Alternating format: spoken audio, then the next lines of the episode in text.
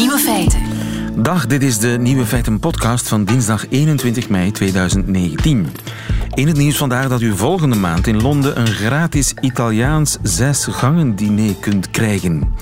Als u uw eigen tafel meebrengt. Het Bring Your Own Table concept is een idee van een Italiaans biermerk, Moretti. Bedoeling is om vrienden weer dichter bij elkaar te brengen, want het vereist nogal wat planning en teamwerk om een tafel te verhuizen.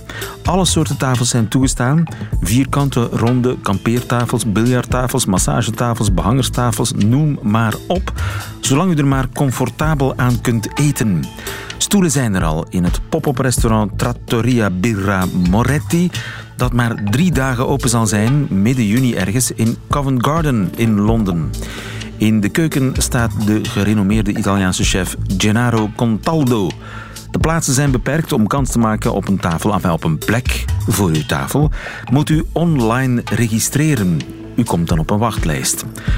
Bonne chance. Op het menu onder meer traag gegaarde inktvis met wijn, olijven en pruimtomaten, knapperige sardische broodlasagne met ricotta en parmezaan erbij, ovenschotel van aardappel, pecorino en bier met gerookte pancetta en zomerse tiramisu met zomerbessen.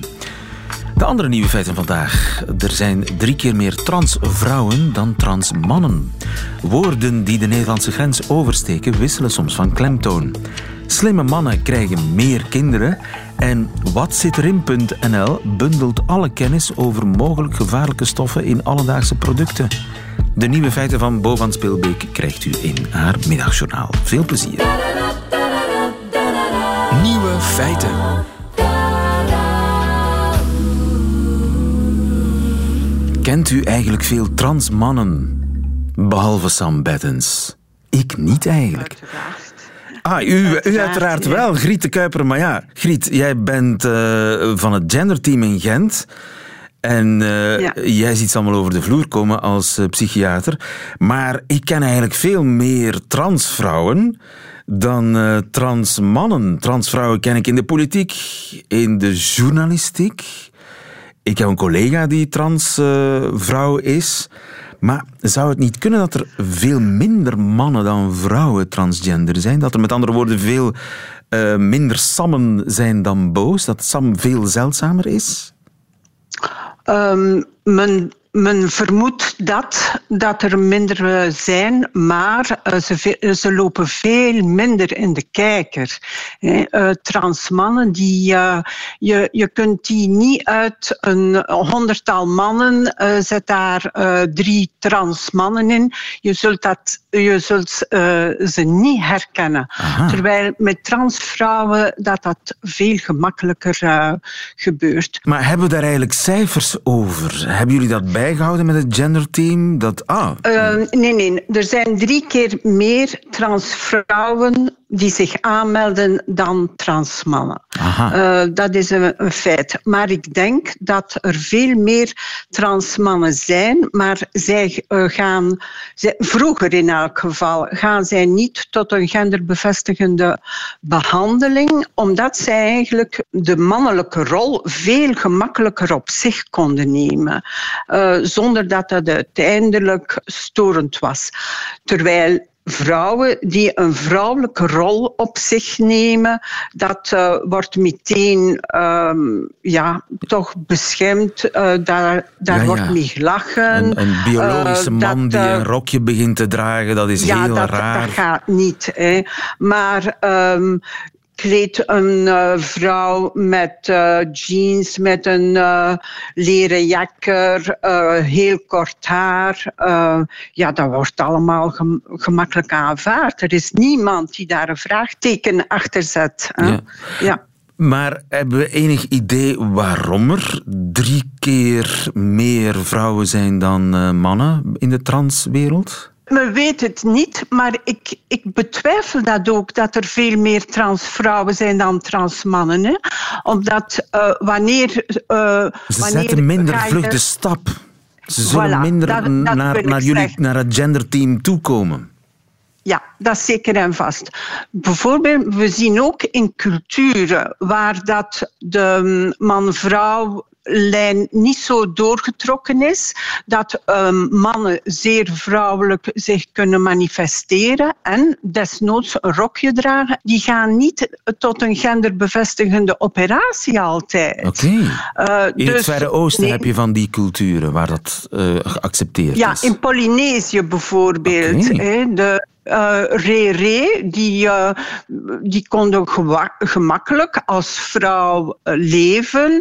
En um, die hadden zelfs niet de nood om hormonen te nemen en de operatie te laten gebeuren. Ja, ja. Nee. In de Arabische wereld is het precies andersom. Dat er meer transmannen zijn, ja, omdat waarschijnlijk uh, er veel meer culturele voordelen zijn aan het man zijn dan het uh, vrouw zijn. Dat is uiteraard ook zo. Plus ook dat transmannen meestal gericht zijn naar vrouwen. En als zij als vrouw um, niet de stap zetten om uh, voor een transitie, dat zij dan uiteindelijk als homoseksueel worden bestempeld, hè, een lesbisch stel, en dat dat uh, uiteindelijk niet getolereerd wordt en ja, dat daar strenge straffen op staan. Hè. Dus men moet dat zien in de context van het feit dat homoseksualiteit niet aanvaard is ja. in de Arabische wereld. Terwijl transgender zijn, dat is geen enkel probleem. Zeer raar, maar waar. Dus in de Arabische wereld is transgender zijn veel minder een probleem dan homoseksueel zijn? Ja, dat is zeker en vast. Zeker in, in Iran bijvoorbeeld. Ja. Khomeini heeft dat al uh, jaren uh, geleden uh, toegestaan. Hè? Al in de jaren tachtig. Ja, ja. En dus in de Arabische wereld kun je als vrouw ook makkelijker de mannenrol opnemen. Dus transman worden. Ja, omdat dat uiteindelijk ook geaccepteerd wordt door de familie. Dat, uh, dat is heel belangrijk van goed opgevangen te worden door de familie en zo. Ja. En uh, ja, dat dus blijkt zo te zijn. Er is een sterke culturele component dan toch? Ja, maar niet in de uh, vorming van uw genderidentiteit, maar wel in de uh, uitdraging naar de maatschappij toe. Ja, en, en, van hoe ga je met je genderidentiteit om in de maatschappij? Ja, en of er al dan niet een mes aan te pas komt. Dat is, ja, uh... en, en of dat je legaal wenst ehm, aangepast te worden, dat ook. Hè? Ja, ja. ja. Dankjewel, Griete Kuiper. Goedemiddag. Voilà, goeiedag. Is this the Bucket residence? Well, there are two schools of thought about that. She pronounces it bouquet. But it's spelt bucket. Good morning, Mrs. Bouquet. Duh, bucket. Duh, bouquet. Ah, good morning, Vicar. ah, Mrs. Bucket. Ah. Uh, bouquet. Mrs. Bucket. Bouquet.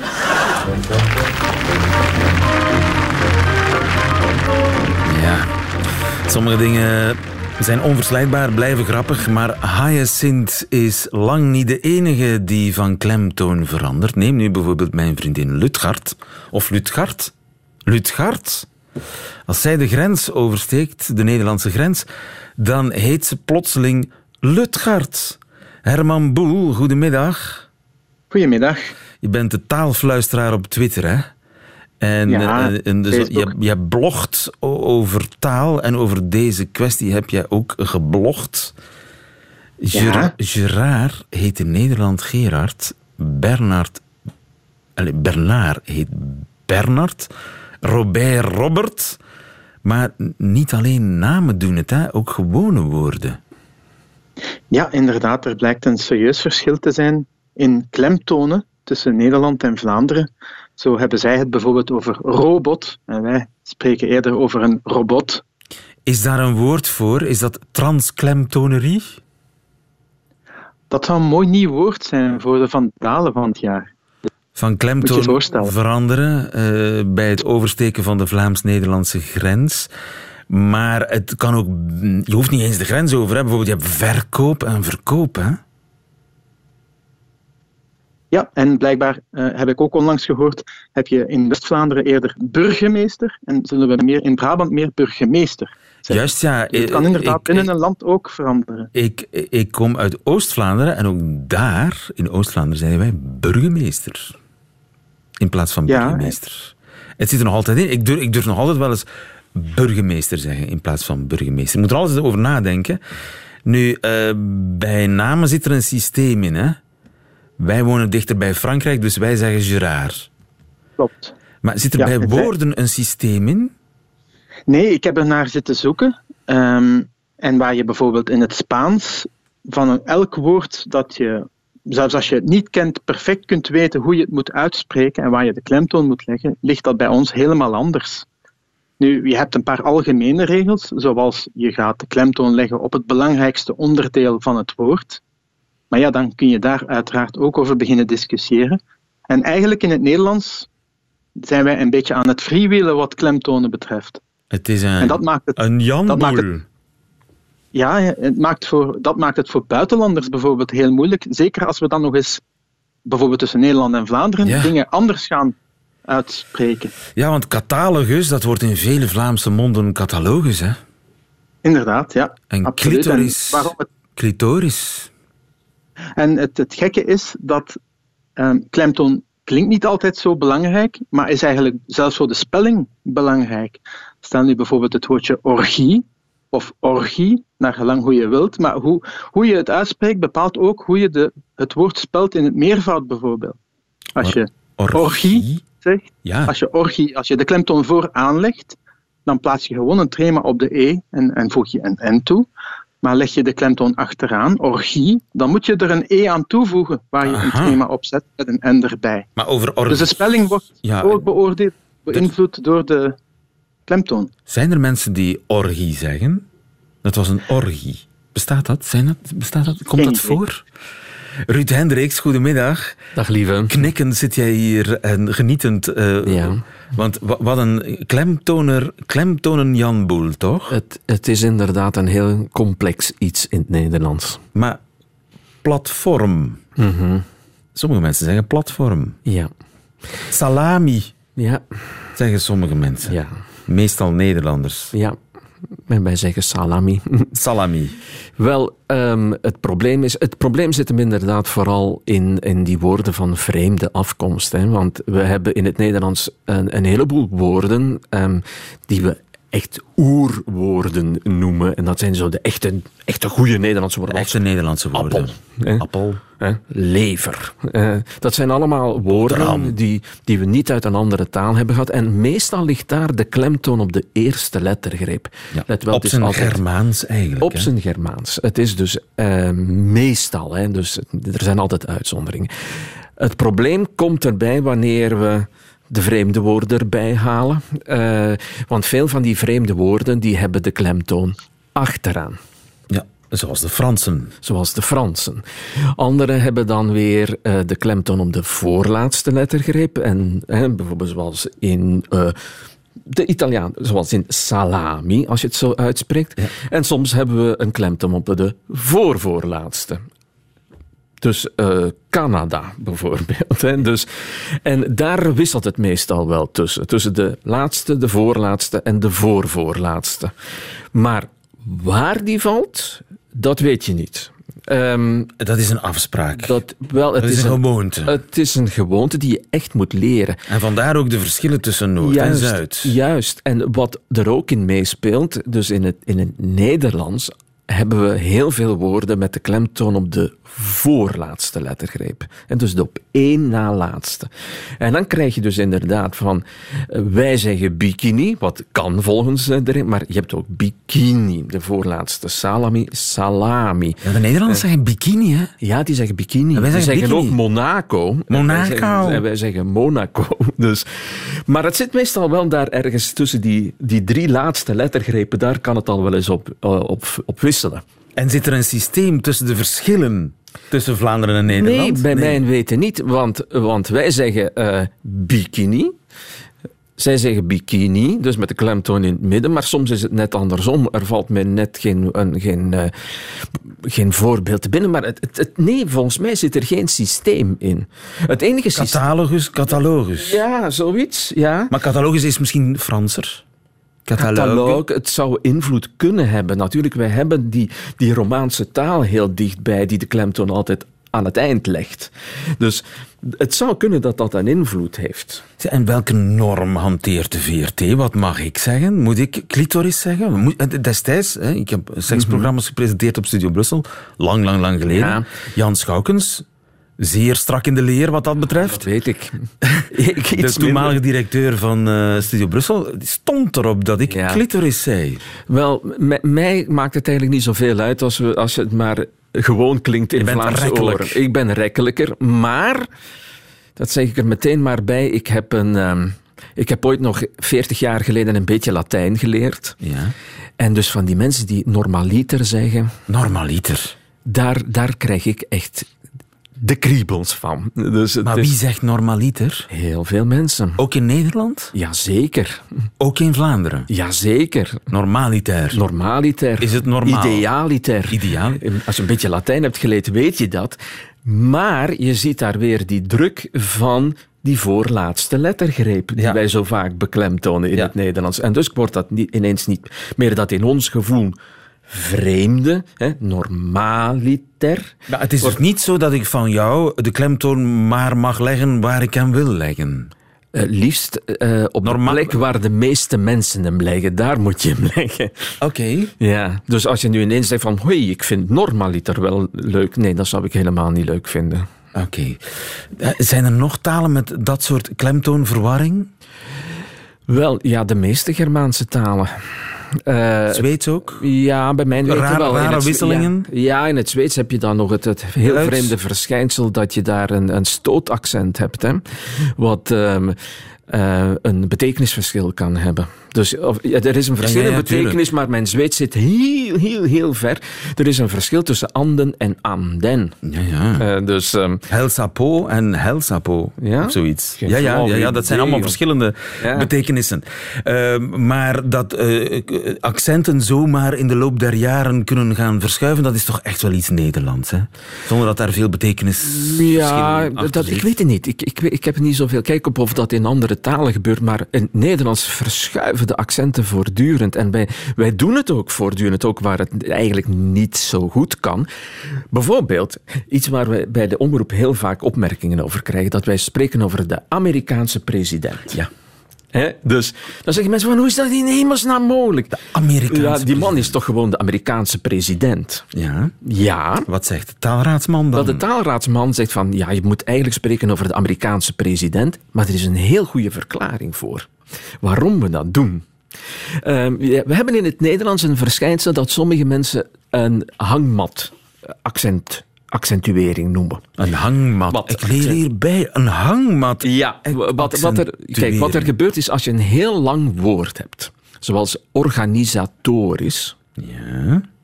Je merkt de hoofdklemtoon zit op de voorlaatste lettergreep. Alweer, hè? organisatorisch. Maar wat doen we in het Nederlands ook? We leggen bijklemtonen. En die leggen we links in het woord van de hoofdklemtoon en zo ver mogelijk naar het begin. Organisatorisch. Dus organisatorisch, zeggen we. Nu, wat gebeurt er? In woordgroepen doen we precies hetzelfde. Dus je zegt wel los Amerikaans en je zegt los president, maar als je die aan elkaar plakt, dan heb je zo de neiging om de Amerikaanse president te Amerikaanse zeggen, president. Waardoor je een hangmat krijgt. Dus twee pieken, waar tussen alles wat een beetje doorzakt. En dan mag het wel. En ja, dan, dan, dan knijp je een oortje dicht. Ja, maar veel mensen worden er kiribiet van ook. Ja, en die moet jij dan te woord staan. Sterkte. Ja, dankjewel. Dankjewel Ruud Hendricks. En dankjewel ook Herman Boel, onze taalfluisteraar. Nieuwe feiten. Hallo. Een bijzonder onderzoek is er gebeurd in uh, Zweden, waaruit blijkt dat domme mannen minder kinderen krijgen. Ik zeg het maar even plat. Uh, goedemiddag Jan van Bavel. Ja, goedemiddag. Dat is inderdaad wel... Sorry, mijn excuses, mijn woordgebruik, maar het is wel duidelijk. Uh, u bent socioloog aan de Universiteit van Leuven. Het zijn collega collega's van u uh, aan de Universiteit van Stockholm mm -hmm. die tot de vaststelling zijn gekomen dat mannen met een laag IQ of een lager IQ minder kinderen krijgen. Hoe hebben ze dat verband kunnen leggen? Ja, ze hebben een onderzoek gebaseerd op intelligentietesten die naar aanleiding van uh, uh, conscriptie, dus uh, bij militairen, zijn uitgevoerd. En ze hebben die gegevens dan gekoppeld aan bevolkingsregisters. En zo hebben ze kunnen de link leggen tussen ja, de resultaten van die intelligentietests en de vruchtbaarheid van die mannen. De vruchtbaarheid en het hebben van kinderen. Het is zelfs zo dat mannen met een laag IQ niet eens aan kinderen beginnen. Nou ja, ik denk dat dat een, een heel groot deel van de verklaring is. Hè, want er is een verschil in gemiddelde vruchtbaarheid. Maar een gemiddelde, zoals u weet, ja, een gemiddelde is een samenvatting, een ruwe samenvatting eigenlijk van, eh, van grote verschillen die er kunnen zijn. En een groot deel van de verklaring heeft te maken met het feit dat mensen met een lager IQ, mannen met een lager IQ, het blijkbaar wat moeilijker hebben om aan een partner te geraken. En als je geen partner hebt, dan is het ook moeilijk om kinderen te krijgen natuurlijk. Dus dat is een heel groot deel van de verklaring in uh, verschil in gemiddelde. Dus het feit dat uh, mannen met een lager IQ wat, gemiddeld wat lagere vruchtbaarheid hebben. Ja. Maar dat, die verschillen zijn uiteindelijk niet zo groot hoor. Ja. En geldt het omgekeerde ook? Dat hoe slimmer je bent, hoe hoger je IQ, hoe meer kinderen je krijgt? Ja, maar opnieuw zijn de verschillen heel klein. Want we zitten zeker in Zweden, ook in de, de, generaties die daar onderzocht zijn, zitten we in een context waar er vooral lage vruchtbaarheid is, zowel bij mensen met een hoge IQ als bij mensen met een lage IQ. Dus die mensen die uh, een hoge score haalden op die intelligentietest, ja, die hebben gemiddeld wel wat meer kinderen, maar dat blijft nog altijd ja, een gemiddelde van ja. onder de twee kinderen. Nee. Dus ja, want ja. als je dan naar, laten we zeggen, minder ontwikkelde landen uh, gaat, dan stijgt het aantal kinderen geweldig, hè?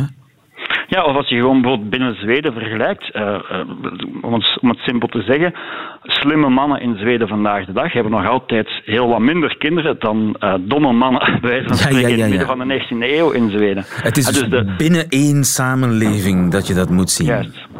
En dus de maatschappelijke context is zodanig veranderd dat wij vandaag de dag in ons land, maar ook in Zweden, uh, heel wat minder kinderen krijgen dan vroeger. En dat, is, dat geldt zowel voor mannen met een hoog IQ als voor mannen met een laag IQ. Ja. En dus de verklaring is simpelweg Darwin, evolutietheorie. Survival of the smartest in dit geval. Simpelweg zou ik dat niet noemen, maar um, ik denk dat het, dat het over het algemeen op de huwelijksmarkt, en daar heb je eigenlijk zelfs daar weer niet voor nodig, dat het duidelijk is dat mannen die, die slim zijn, dat die wellicht wat handiger zijn om hun doelen te bereiken. Dus als zij een, uh, het hebben voor een bepaalde vrouw, dat zij misschien slimmer zijn om die vrouw te versieren, of dat die vrouw ook die, een slimmere man uh, wat attractiever vindt, aantrekkelijker vindt. Dus op die manier raken die, die slimme mannen, in een, om het even welke maatschappelijke context, uh, gemakkelijker aan een partner, denk ik. Ja, vandaar. Dankjewel, Jan van Bavel. Goedemiddag. Graag gedaan. Altijd benieuwd. Nieuwe feiten. Eindelijk. Een website met objectieve, betrouwbare informatie over schadelijke stoffen in de meest alledaagse dingen. Joke Hermans, goedemiddag. Ja, goedemiddag, met Joke Hermans. Die website die heet Waar zit wat in? .nl, prachtig. Ja, van, waar uh, zit wat in? RIVM, de, het Nederlandse Instituut voor uh, Volksgezondheid en Milieu. Uh, ja, het gonst natuurlijk van de geruchten hè, over ziekmakende stoffen in alle mogelijke dingen. Dat klopt. Als je even op het internet rondspeurt, dan kun je van alles vinden.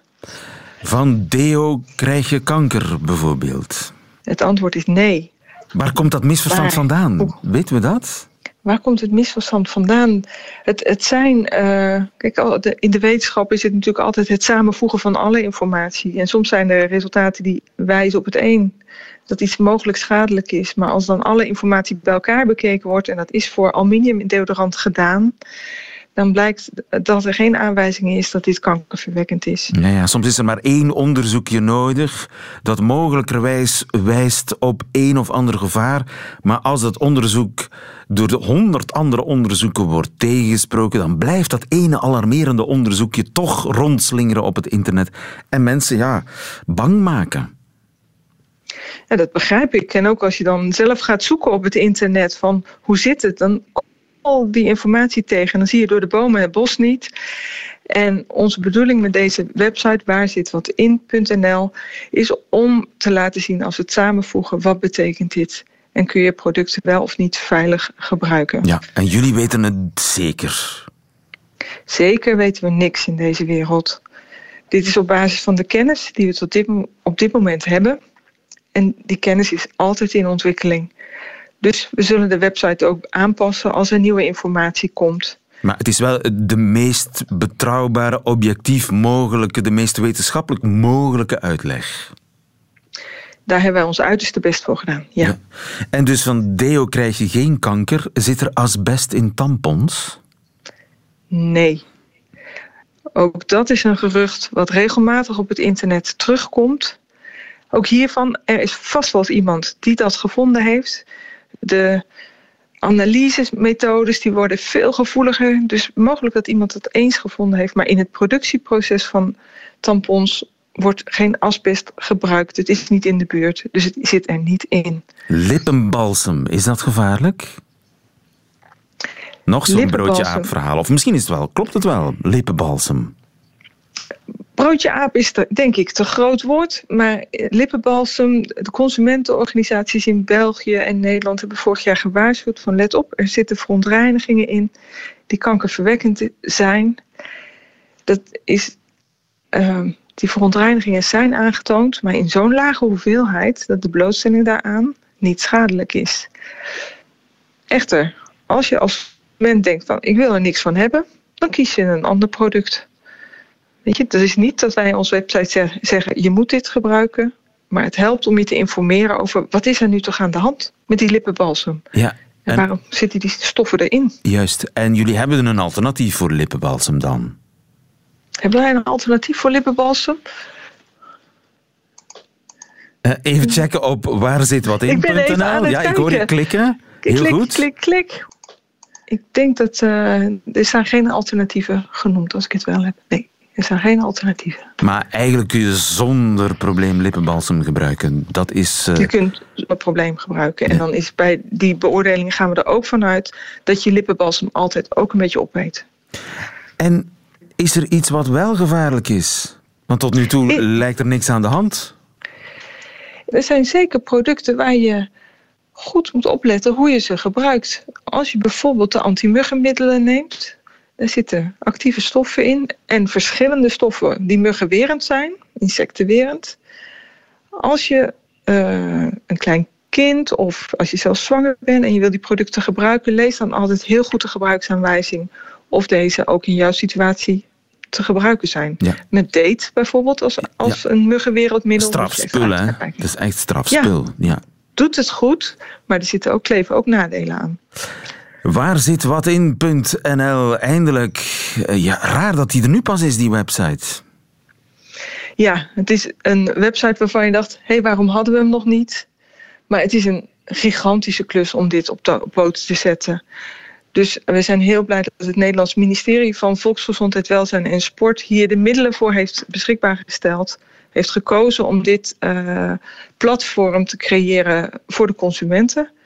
En uh, nou, gelukkig dat het ook over de grens gebruikt kan worden. Ja, wij zijn daar zeer dankbaar voor. Dankjewel, Joke Hermans. Goedemiddag. Nieuwe feiten.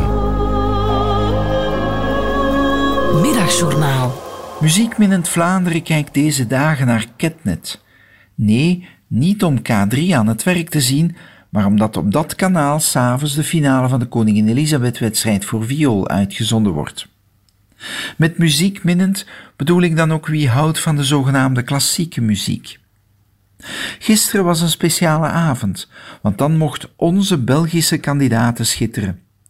Sylvia Wang is 25 jaar oud en ziet er veel jonger uit. Maar wat een talent, wat een muzikaliteit, wat een rijpheid. Haar familienaam verraadt dat haar vader van Chinese afkomst is. Veel belangrijker, hij is violist en was haar eerste leraar. Sylvia's moeder is een Belgische celliste. Sylvia komt uit Henegouwen, toch spreekt ze vloeiend Nederlands omdat ze al enkele jaren in het wereldberoemde Concertgebouworkest van Amsterdam speelt. Flashback naar een dikke week geleden. één dag voor zij in afzondering gaat in de muziekkapel Koningin Elisabeth aan de voet van de Leeuw van Waterloo. Ik mag haar voor het nieuws thuis bij haar Brussels gastgezin gaan interviewen en ik ben onder de indruk. Speciaal voor ons speelt Sylvia Wang een stukje soloviool van Bach. Het Concertgebouworkest leende haar een prachtige, eeuwenoude Landolfi-viool. Sylvia bespeelt die op blote voeten, heel ongedwongen, heel fris. Jij kan de Justine Henin of Kim Kleisters van de klassieke muziek worden, werp ik haar toe. Tegelijk besef ik dat Sylvia misschien zelfs te jong is om Kim en Justine op het hoogtepunt van hun carrière te hebben zien tennissen. Toch bloost ze en lacht verlegen wanneer ik haar uitleg waarom. Ik ben ervan overtuigd dat zij een rolmodel kan zijn en jonge mensen kan aansporen om met muziek te beginnen, net zoals veel Belgische kinderen zijn gaan tennissen door Kim en Justine. Klassieke muziek heeft het moeilijk om te overleven in deze tijd van flitsende videoclips en vlotte poppy songs. Dat is al jaren zo, maar het lijkt mij met de jaren acuter te worden. En de Koningin Elisabeth-wedstrijd zal dat niet meteen veranderen. Vergeleken met het circus van het Eurovisie Songfestival lijkt de Elisabeth een saaie boel. Omdat het hier nog gaat om de essentie, de prachtige muziek die Bach, Beethoven of Brahms ons nagelaten hebben. En niet om de verpakking, de show die vaak muzikale leegte moet verdoezelen. Met haar Girl Next Door look zal Sylvia Wang nooit een Ariana Grande of Taylor Swift worden. Maar Kim en Justine waren eigenlijk ook Girls Next Door. En dus geloof ik dat Sylvia als ze nu zaterdag hoog eindigt in de rangschikking, een Kim en Justine effect kan veroorzaken. En wie weet hebben wij misschien door haar voorbeeld binnen tien jaar meer dan één Belgische violist of pianist in de finale.